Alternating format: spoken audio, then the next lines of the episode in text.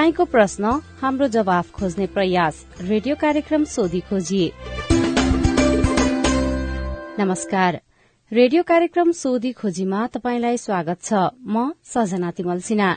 तपाई यो कार्यक्रम सामुदायिक रेडियो प्रसारक संघ अकराबद्वारा संचालित सामुदायिक सूचना नेटवर्क सीआईएन मार्फत देशभरिका सामुदायिक रेडियोबाट सुनिरहनु भएको छ। साथै सीआईएन खबर डट कम र मोबाइल एप सीआईएनमा पनि यो कार्यक्रम सुन्न सकिन्छ। आम नागरिकमा लक्षित कल्याण र समुन्नतिका लागि प्रजातान्त्रिक पद्धति अपनाई कानून बमोजिम संचालित कुशल पारदर्शी र जवाफदेही युक्त शासन प्रणालीलाई सुशासन भनिन्छ। सुशासनले विधिको शासनमा विश्वास गर्दछ। शासन सत्तामा रहेका व्यक्तिले देश र जनताको सेवकको रूपमा आफूलाई नबुझेसम्म सुशासनले मूर्त रूप लिन सक्दैन। अनि सुशासनमा सार्वजनिक सेवा प्रवाह गर्ने राज्य यसका निकाय र सिंह प्रशासन तन्त्रले देश र जनताको भलाइका लागि काम गर्न निस्वार्थ रूपमा छिटो एवं छरितो सेवा प्रवाह गर्नुपर्दछ। तपाईँले ती सेवा कसरी पाइरहनु भएको छ? तपाईँका सवाल र सेवालाई नागरिक मैत्री बनाउन केही प्रश्न तथा जिज्ञासाहरू छन्? तपाईँले सीआईएनमा पठाएका तिनै प्रश्न जिज्ञासाको हामी जवाफ सोध्नेछौ तपाईँले गरेको प्रश्न नै सवाल हो। सवालको जवाफ कसले दिन्छ? यी जम्मै सवालको प्रमुख जिम्मेवार को हो? हामी जिम्मेवार निकाय र व्यक्तिलाई सोध्ने मात्रै छैनौं त्यसको खोजी पनि गर्नेछौ। तपाईँको प्रश्नको उत्तर मात्रै खोज्ने छैनौं त्यसपछि त्यो सवाललाई टुङ्गोमा पुर्याउन के भइरहेको छ त्यसको पनि सोधी खोजी गर्नेछौ। हाम्रो टेलिफोन नम्बर शून्य एक बान्न साठी छ चार छमा फोन गरेर रेकर्ड गर्नुहोस्। यो नम्बरमा तपाईँले जुनसुकै बेला फोन गरेर आफ्नो प्रश्न रेकर्ड गर्न सक्नुहुनेछ। तपाई प्रश्न राख्नुहोस् हामी जवाफ खोज्नेछौ कार्यक्रम सोधी खोजीमा।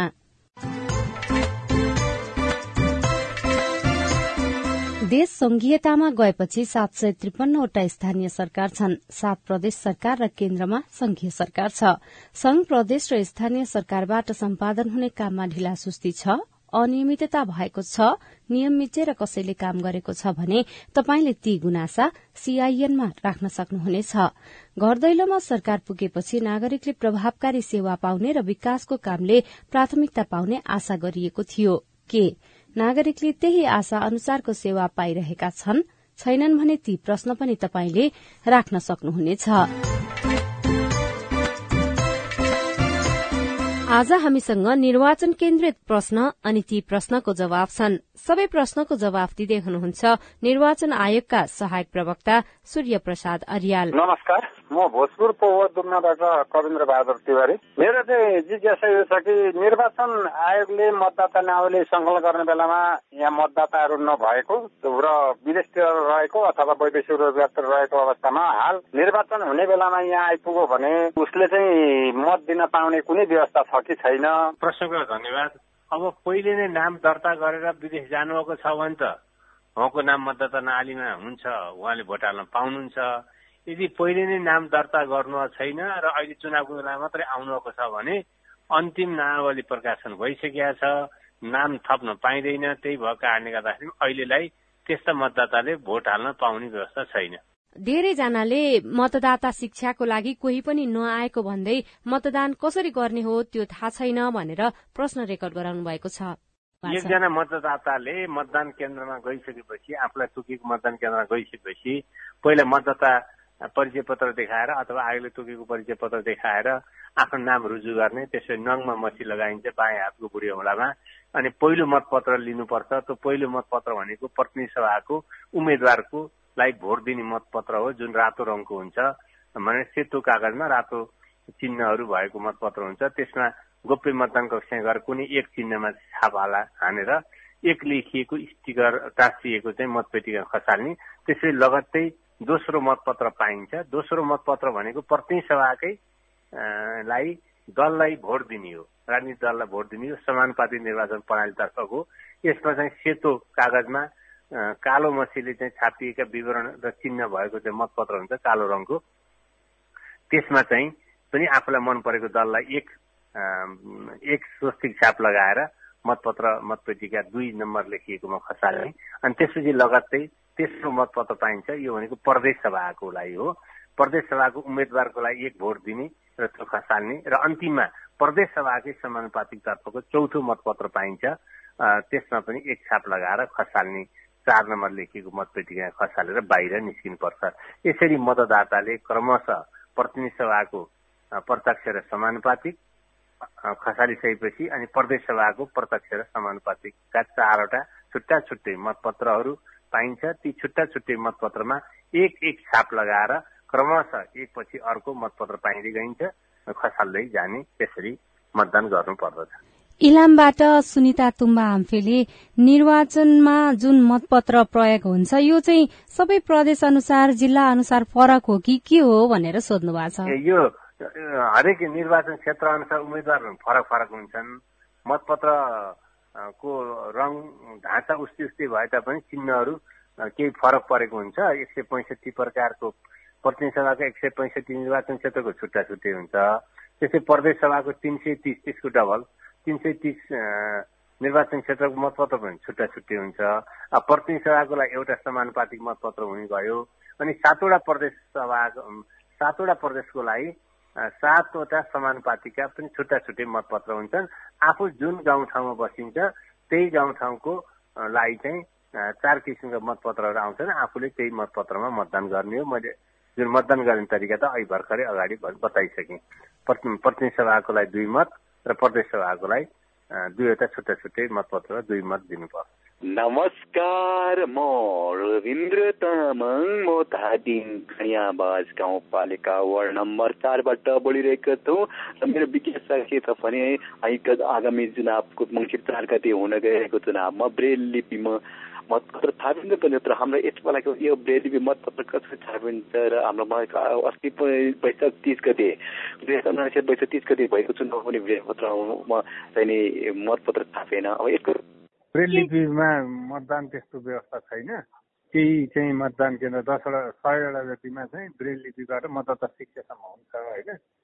सयवटा जति मतदान केन्द्र तर मतदान हुँदैन ब्रेल लिपिबाट दिनेश आचार्यले चाहिँ एउटा सुझाव दिनुभएको छ। निर्वाचन आयोग नेपालको निर्वाचन इतिहासमा यो नै अन्तिम हाते मतपत्र होस्। यसपछि मेसिनबाट मतदान र मतगणना गर्न पाइयोस् भनेर भन्नुभएको छ। के भन्नुहुन्छ? ल यहाँको एकदमै शुभेच्छा होस्। आयोगको पनि त्यही सोच छ र सबैको चाहना पनि छ। अब यो कुरा चाहिँ राजनीतिक दलले नेपाल सरकारले समयमा सुनेर त्यसतर्फको तयारी गरोस्। बजेट स्रोतहरू जुटाओस्।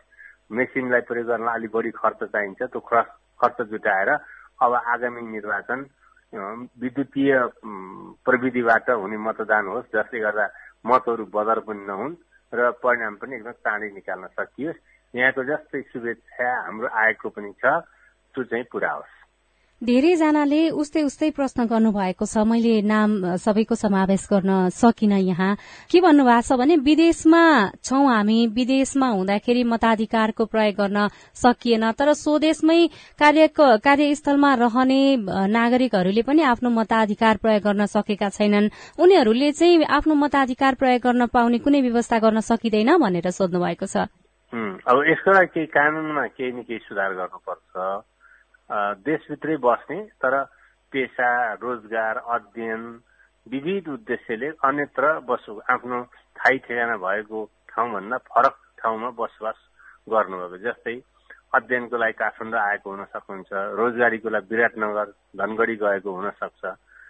त्यस्तो मतदाताले त्यही ठाउँमा बसेरै आफ्नो गाउँठाउँमा मत पठाउने व्यवस्था हुने कुरासँग सम्बन्धित छ उहाँको प्रश्न। यो अभ्यास गर्न सकियो यसरी गर्न सकियो। पहिले नै मतपत्र चाहिँ अब हुलाकबाट अथवा अन्य माध्यमबाट पठाएर मतदानको दिनभन्दा अगाडि अथवा मतदान मतगणना गर्ने समयसम्म त्यस ठाउँमा चाहिँ मतपत्र पुग्ने व्यवस्था हुन सक्यो भने अनि हामीले अन्यत्र बसेर पनि आफ्नो आफूलाई मनपर्ने उम्मेद्वारलाई मतदान गर्न सक्छौँ दललाई मतदान गर्न सक्छौँ। त्यो प्रावधानको लागि विभिन्न प्रावधानहरूको व्यवस्था गर्नुपर्छ कानुनी पक्षमा सुधार गर्नुपर्छ। यो चाहिँ भनेको एउटा एउटा निर्वाचन व्यवस्थापनको स्तरीकृत भएको अवस्था हुनेछ। यो गर्न सकेमा धेरैको स्वदेशमै बस्ने धेरै मतदाताहरूको मतको रक्षा गर्न सकिन्छ। यसमा चाहिँ आयोगले नेपाल सरकारले संसदले धेरै प्रयास गर्नुपर्दछ धेरै मेहनत गर्नुपर्दछ। र यो पनि एउटा आयोगले गर्नुपर्ने र सुधार गर्नुपर्ने पक्ष हो भन्ने लाग्दछ। यसमा चाहिँ सबैको साथ र सहयोग भयो भने यो यो प्रयास पनि सफल हुन सक्ने सम्भावना भएको क्षेत्र हो।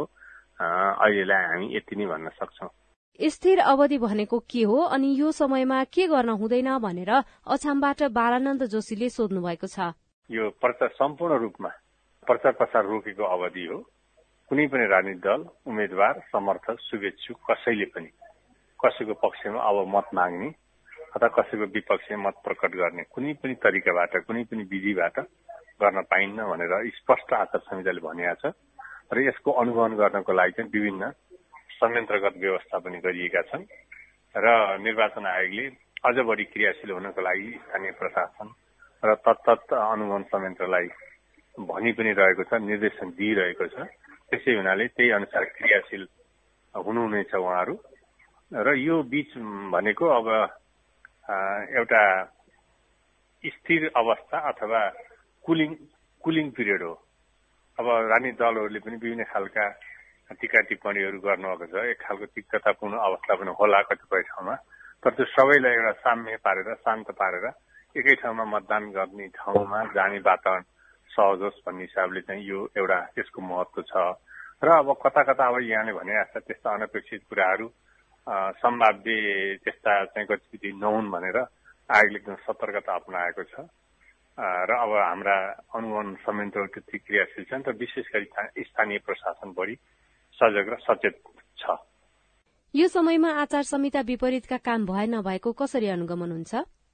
होइन अब आयोगले विभिन्न तरिकाले चाहिँ अब व्यवस्था गरे अनुसार चाहिँ अब हाम्रो सबै जिल्लामा प्रमुख कोष नियन्त्रकलाई जिल्ला अनुगमन अधिकृतको रूपमा पनि खटाएको छ उहाँहरूले पनि त्यो हेर्नुहुन्छ अब मुख्य कुरा चाहिँ जिल्लामा अहिले चाहिँ अलिक फङ्सनल हुने गरी चाहिँ हाम्रो जिल्ला आचार संहिता अनुगमन संयन्त्र बनाएको छ जहाँ चाहिँ मुख्य निर्वाचन अधिकृत र प्रमुख जिल्ला अधिकारी सम्बन्धित जिल्लाको प्रमुख जिल्ला अधिकारी चाहिँ सहसंयोजक भएर त्यो अनुगमन संयन्त्रको निर्माण गरिएको छ यो बढी फङ्सनल अथवा यो बढी प्रभावकारी किन हुनेछ भन्दा यसमा चाहिँ स्थानीय प्रशासन सञ्चालन सिधै गर्न सक्ने गरी चाहिँ हाम्रो प्रजीय चाहिँ पनि त्यो समितिमा राखेका कारणले गर्दाखेरिमा यो बढी चाहिँ क्रियाशील हुनेछ र अब कहीँ कतै त्यस्ता खालका सूचना प्राप्त भएमा कहीँ त्यस्तो पाइएमा तुरन्त रोक्ने अथवा नियन्त्रणमा लिने तत्काल हुनेछ। यसबाट चाहिँ अलि आचार संहिता बढी प्रभावकारी हुने चाहिँ हामीले विश्वास लिएका छौँ। फेसबुक लगायतका सामाजिक सञ्जालबाट गरिएका प्रचार प्रसार हटाउनको लागि निर्देशन नै गरिरहनु भएको छ। यसको लागि मतदाता अथवा जसले अपलोड गरेको हो उसले नै हटाउनु पर्ने हो वा मेटासँग भनिएको छ? कसरी सहकार्य गर्नुभएको छ? यसमा चाहिँ हाम्रो टिमले पनि मोनिटरिङ गरिरहेको छ। सबभन्दा पहिलो त हामी सबैलाई आग्रह गरिसकेका छौँ कि अब हिजोसम्मको एउटा अवस्था हो। अब आज हिजो बेलुका बाह्र बजीपछिको अर्को अवस्था हो। त्यसमा सबैले आफ्नो ठाउँबाट आचार संहिताको सही पालना गर्ने पर्दछ। र यी चाहिँ यी चाहिँ प्रमाण जुट्ने विषय हुन् र आयोगले यी प्रमाणहरूलाई पछि पनि कारवाहीको विषय बनाउन सक्ने भएको हुनाले समयमै सबैले यी चिजहरूलाई हटाइदिनु चाहिँ हुनको लागि अनुरोध गरिसकेका छ। त्यो अनुसार गर्नुहुनेछ। अघिल्लो चुनावमा सुरक्षाकर्मीहरू परिचालन गरेर पर्चा हटाइएको थियो। यसपालि कसरी हटाउने योजना छ? अब त्यो भन्दा पनि मुख्य कुरा सबै आफ्नो अनुशासनमा बस्नु पर्यो। जुन क्षेत्रमा जसको क्षेत्रमा चाहिँ अब त्यस्ता खालका प्रचार सामग्री छन् सम्बन्धित उम्मेद्वारकै मानेर अनि त्यसलाई चाहिँ उहाँले हटाउनु पर्ने नहटाएमा चाहिँ अब आयोगले हटाएर त्यसको क्षतिपूर्ति उहाँले नै बेहोर्नु पर्ने गरी चाहिँ आचार संहिताले स्पष्ट गरेको हुनाले अब उहाँहरू त्यो यस मामलामा चाहिँ बढी सचेत सजग भएर चाहिँ त्यो अनुसार गर्नुहुनेछ भनेर यो दायित्व र जिम्मेवारी सम्बन्धित उम्मेद्वारको सम्बन्धित दलकै हुने गरी चाहिँ आचार संहिताले व्यवस्था गरेको हुनाले त्यही अनुसार चाहिँ हुनेछ भन्ने हामीले अपेक्षा गरेका छौँ। अस्थायी मतदाता कसलाई भनिएको हो अनि उनीहरूको लागि के कस्ता व्यवस्था छन् भनेर ताप्लेजुङबाट हरि भट्टराईले सोध्नु भएको छ अब हामीले विगतको चौहत्तर सालमा चाहिँ व्यवस्था भए तापनि एउटै मतपत्रमा समानुपातिक निर्वाचन प्रणालीतर्फ एउटा ठूलो पानामा माथिल्लो खण्डमा चाहिँ समानुपातिक प्रतिनिधि सभाको र तल्लो खण्डमा प्रदेश सभाको समानुपातिक मतपत्र थियो। र अब अहिले हाम्रो चाहिँ यो कर्मचारी सुरक्षाकर्मीहरूको सं संरचना अनि उहाँहरूको थायी बसोबासको आधारमा हामीले प्रतिनिधि सभाको मात्रै देशलाई एउटा निर्वाचन क्षेत्र मानिएको हुनाले चाहिँ जो जहाँ बसे पनि अस्थायी मतदाता नहाली तयार पारेर जसको चाहिँ स्थायी मतदाता नाली नाम छ उहाँहरूको अस्थायी मतदाता नाली तयार पारेर उहाँहरूलाई भोट दिने अथवा मतदान गर्न पाउने व्यवस्था अहिले मिलाइएको छ। अब तदनुरूप तयारी गर्नको लागि चाहिँ अब नामावली पनि तयार पारियो। र त्यो अनुसार चाहिँ अब हाम्रो प्रायः कारागारमा कारागारका कैदी बन्दीहरूलाई बाहिर निकाल्नलाई अलिकति सुरक्षा दृष्टिकोणले नमिल्ने भएको हुनाले प्रायः जस्तो कारागारमा हाम्रो केन्द्रहरू रहेका र अनि अन्य उपयुक्त लागेको ठाउँमा चाहिँ मतदान केन्द्रहरू गरेर जम्मा एक सय एकचालिसवटा देशभर एक सय एकचालिसवटा अस्थायी मतदान केन्द्र तुकिएका छन्। र अब त्यहाँ चाहिँ अब आवश्यक कर्मचारीको व्यवस्था गरेर त्यहाँ मतदान गर्ने कर्मचारी सुरक्षाकर्मी कैदीबन्दी अब दर्तावाल चाहिँ वृद्धाश्रमका वृद्ध वृद्धाहरूले मतदान गर्न पाउने व्यवस्था मिलाइएको छ। र त्यसमा प्रतिनिधि सभाको समानुपातिक निर्वाचन प्रणालीतर्फ मात्रै मतदान गर्न पाउनुहुनेछ उहाँहरूले। यसरी चाहिँ यो अस्थायी मतदातालाई पनि मतदान गर्ने एउटा मताधिकारको सुनिश्चितता प्रदान गर्ने चाहिँ काम आयोगले व्यस्त मिलाएको छ। वैदेशिक रोजगारीको सिलसिलामा रहेका नेपालीहरूले पनि मतदान गर्न पाउन् भन्ने उद्देश्यले विभिन्न अध्ययन पनि भएका थिए तर यसलाई कार्यान्वयनमा ल्याउन सकिएन। किन? ठ्याक्कै तपाईँले भन्नु अध्ययन पनि भएको हो। अब निर्वाचन कानूनमा राख्नलाई पनि कोसिस भएका हुन् है। तर कानूनमा व्यवस्था नभएको हुनाले यो सबै प्रयासहरूले मूर्त रूप दिन सकेका छैन कानूनै लेखेपछि आयोगलाई त्यो कार्यान्वयन गर्न त्यो उसको जिम्मेवारीभित्र पर्छ। त्यसैले कानूनी पूर्वाधार नभएको कारणले गर्दा उक्त कुरा सबै पक्षबाट उठेको सबैको चासो सबैको माग भए तापनि हुन नसकेको कुरा चाहिँ त्यही नै हो।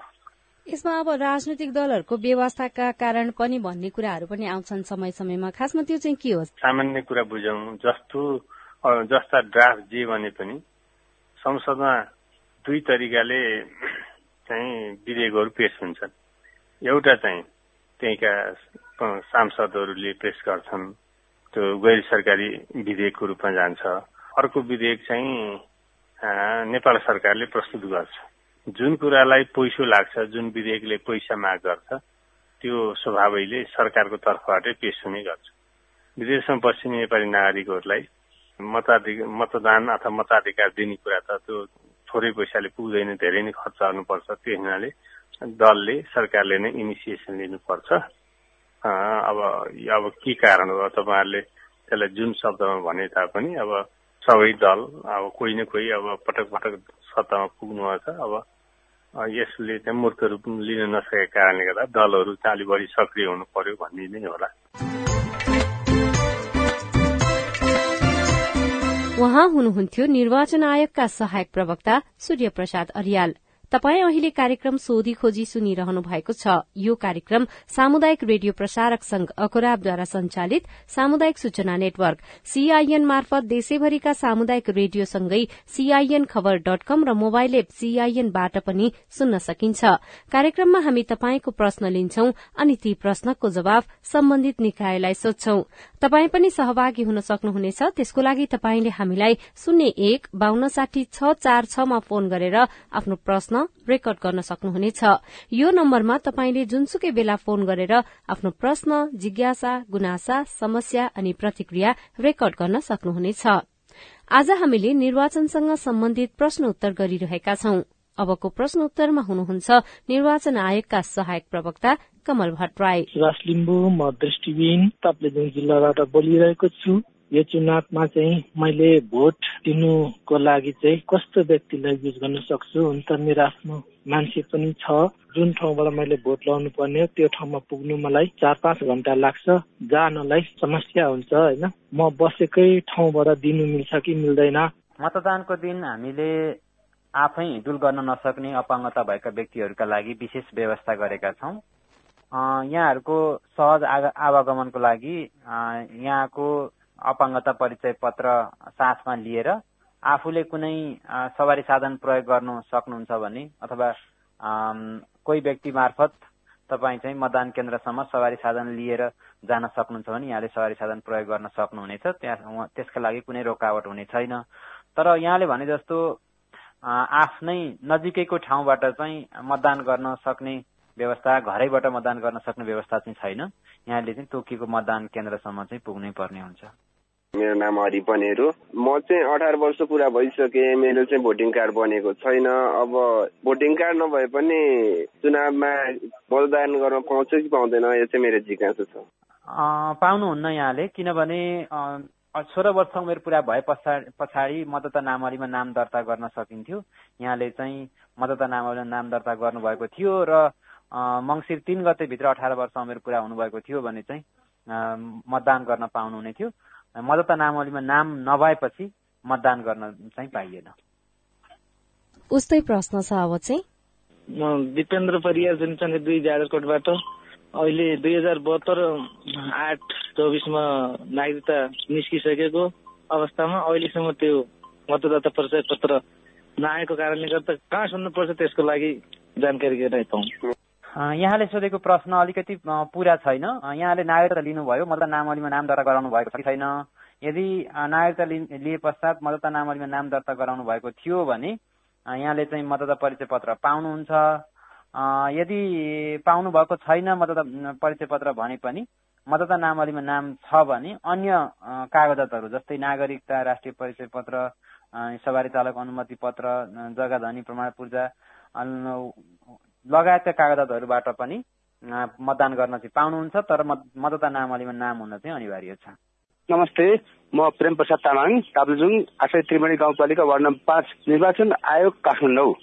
निर्वाचन आयोगमा प्रयोग हुने मतपेटीका स्वस्तिक छाप साथै अन्य खर्च भएर नजाने सामग्रीहरू अर्को पटकको निर्वाचनमा प्रयोग गर्न सकिने सकिएमा देशलाई आर्थिक भार कम हुने हुँदा पटक पटक त्यही सामग्री खरिद खर्च कटाई अन्य खर्चमा मात्र खर्च गर्न गर्ने गरी निर्वाचन आयोगले गर्न मिल्छ मिल्दैन मिल्दैन जानकारी पाउन पाए राम्रो हुन्थ्यो कि?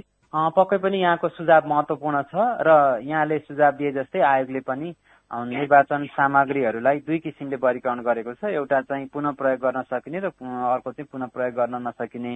यसरी कतिपय सामानहरू चाहिँ मतदान कार्य सम्पन्न भए पश्चात ती अर्को पाँच वर्षसम्मको लागि स्टोर गरेर राख्न नसकिने नमिल्ने प्रकृतिका हुन्छन् भने कतिपय मतपेटीका स्वस्तिक छाप लगायतका चाहिँ कतिपय सामग्रीहरू पुनः प्रयोग हुन सक्छन् र आयोगले त्यो चाहिँ गर्छ आयोगको कार्यालयहरूमा। सुरक्षित साथ भण्डारण गरेर पुनः प्रयोग गरिन्छ। नो भोट भनेको के हो? नो भोटको व्यवस्था नेपालमा छ कि छैन भनेर सोध्नु भएको छ। नेपालको प्रचलित कानूनले नो भोटको व्यवस्था गरेको छैन। नो भोटको सैद्धान्तिक अर्थ के हो भने जुन मतपत्रमा भएका निर्वाचन चिन्हहरूमध्ये म कुनै पनि उम्मेद्वारलाई चाहिँ विभिन्न उम्मेद्वारका निर्वाचन चिन्हहरू मतपत्रमा रहेका हुन्छन् र म ती मध्ये कुनै पनि उम्मेद्वारलाई मतदान गर्दिन भनेर अर्को नो भोट भन्ने अर्को अप्सन हुन्छ। त्यसमा मतदान गर्न सकिन्छ। तर नेपालको अहिलेसम्मको प्रचलित कानूनले त्यो व्यवस्था गरेको छैन र आयोगले पनि मतपत्रमा त्यो व्यवस्था चाहिँ गर्न सकेको छैन हालसम्म। उहाँ हुनुहुन्थ्यो निर्वाचन आयोगका सहायक प्रवक्ता कमल भट्टराई। अब भने सुरक्षा चुनौतीको प्रसंग। भोलि हुने मतदानमा सुरक्षाको चुनौती पनि छ। यो चुनौती भएका ठाउँमा सुरक्षा व्यवस्था कसरी मिलाइएको छ भन्ने प्रश्नको जवाफमा गृह मन्त्रालयका प्रवक्ता फणेन्द्रमणि पोखरेल भन्नुहुन्छ। सुरक्षा चुनौतीलाई मध्यनजर गरेर सबै सीमा नाकाहरू बन्द गरेको छ र रक्सी बिक्री वितरण गर्न पनि बन्द गरेको छ र त्यसै गरी हात हतियार लिएर हिँड्न पनि प्रतिबन्ध लागेको छ। यदि कसैले रक्सी वितरण बिक्री वितरण गर्नुभयो अथवा लिगल हतियार पनि सुरक्षाकर्मी बाहेक अरूले लिएर हिँड्नुभयो भने त्यो इलिगल छ र हामी कारवाही गर्नु भनेर हामीले निर्देशन जारी गरिसकेको अवस्था पनि छ।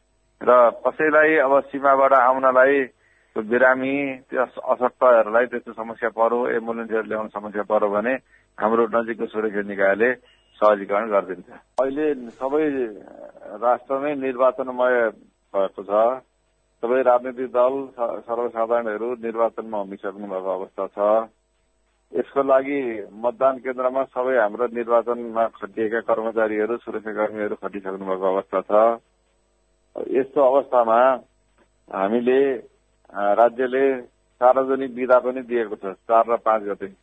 निर्वाचनको दिन र त्यसको भोलिपल्ट र मतदान केन्द्र भएका विद्यालयहरूमा पनि दुई गतेदेखि नै हामीले विधा दिएको छ।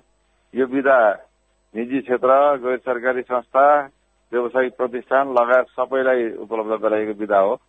चार र पाँच गते चाहिँ। त्यस कारणले यो विदा दिनुको अर्थ सबै सर्वसाधारणहरू यसमा सहभागी हुन सहज होस् भनेर विदा दिए सार्वजनिक विदा दिएको हो। र सबैले आफ्नो अमूल्य मतको प्रयोग गरेर निर्वाचनमा निर्धाको साथ जानु हुन पनि अनुरोध गर्दछौँ। र निर्वाचनमा कुनै सुरक्षा थ्रेट छ कसैलाई समस्या छ भने नजिकको पुलिस युनिटलाई खबर गरिदिनु हुन पनि अनुरोध गर्दछौँ। र निर्वाचनको सन्दर्भमा कसैले रोकटोक गर्छ र कसैले निर्वाचनमा फलानालाई मध्ये भनेर प्रेसर गर्छ भने त्यो कुरो पनि नजिकको सुरक्षा निकायलाई जानकारी दिनु हुन पनि अनुरोध गर्दछौँ। मतदान केन्द्रमा हाम्रा प्रहरी कर्मचारीहरू र म्यादी कर्मचारी खटिएका छन्। उहाँहरूको सपोर्टको लागि सशस्त्र प्रहरी बल र नेपाली सेना खटिएको छ। र हामीले नेपाल प्रहरीलाई मात्रै खबर गर्ने भन्ने होइन कि जुन सुरक्षा निकाय नेपाल प्रहरी सशस्त्र प्रहरी बल नेपाली सेना जो भेटिन्छ उसलाई खबर गर्न सकिन्छ। यसको अतिरिक्त प्रमुख जिल्ला अधिकारी र जिल्लामा खटिएको प्रहरी प्रमुखहरूलाई पनि आफ्नो समस्या परेका खबर गरेर समाधान निकाल्न सकिन्छ। र यदि व्यक्तिगत रूपमा उहाँहरूले भनेका कुरा सुनवाई भएन भने उहाँहरू पब्लिकहरू सङ्गठित रूपमा कुनै न कुनै राजनीतिक दलसँग हुनुहुन्छ कुनै समूहसँग आबद्ध हुनुहुन्छ र त्यस्तो समूह र कुनै सामाजिक समूह पनि हुन सक्छन् राजनैतिक समूह पनि हुन सक्छ जसले पनि हाम्रो नजिकको प्रहरी युनिटलाई खबर गरिदिनु हो भने हामी सहयोग गर्न तयार छौं। उहाँ हुनुहुन्थ्यो गृह मन्त्रालयका प्रवक्ता फणिन्द्रमणि पोखरेल। यो सँगै हामी कार्यक्रमको अन्त्यतिर आइपुगेका छौं। तपाईँका प्रश्नहरूको जवाब खोज्दा खोज्दै रेडियो कार्यक्रम सोधी खोजीको आजको अंकबाट विदा लिने समय भएको हो। तपाईंलाई यो कार्यक्रम कस्तो लाग्यो? नागरिकले प्राप्त गर्ने सेवा र विकास निर्माणको कामलाई गुणस्तरीय र प्रभावकारी बनाउन के गर्नु पर्ला तपाईँका केही सुझाव र टिप्पणी छन् भने हाम्रो टेलिफोन नम्बर शून्य एक बान्न साठी छ चार छमा फोन गरेर रेकर्ड गर्नुहोस्। यो नम्बरमा तपाईँले जुनसुकै बेला फोन गरेर आफ्नो प्रश्न रेकर्ड गर्न सक्नुहुनेछ। तपाई प्रश्न राख्नुहोस्। हामी जवाब खोज्नेछौ कार्यक्रम सोधी खोजीमा। यो कार्यक्रमलाई थप प्रभावकारी बनाउन तपाईँको सुझाव महत्वपूर्ण हुनेछ। हेलो सीआईएनमा हरेक दिन र रेडियो कार्यक्रम मार्फत अर्को हप्ता तपाईँका प्रश्नको जवाब खोज्दै आइपुग्नेछौ। आजका लागि प्राविधिक साथी सुभाष पन्तलाई धन्यवाद। अहिलेको रेडियो कार्यक्रम सोधी खोजीबाट सजना तिमल सिना विदा हुन्छु। प्रश्न सोध्न अप्ठ्यारो नमानौ। नमस्कार।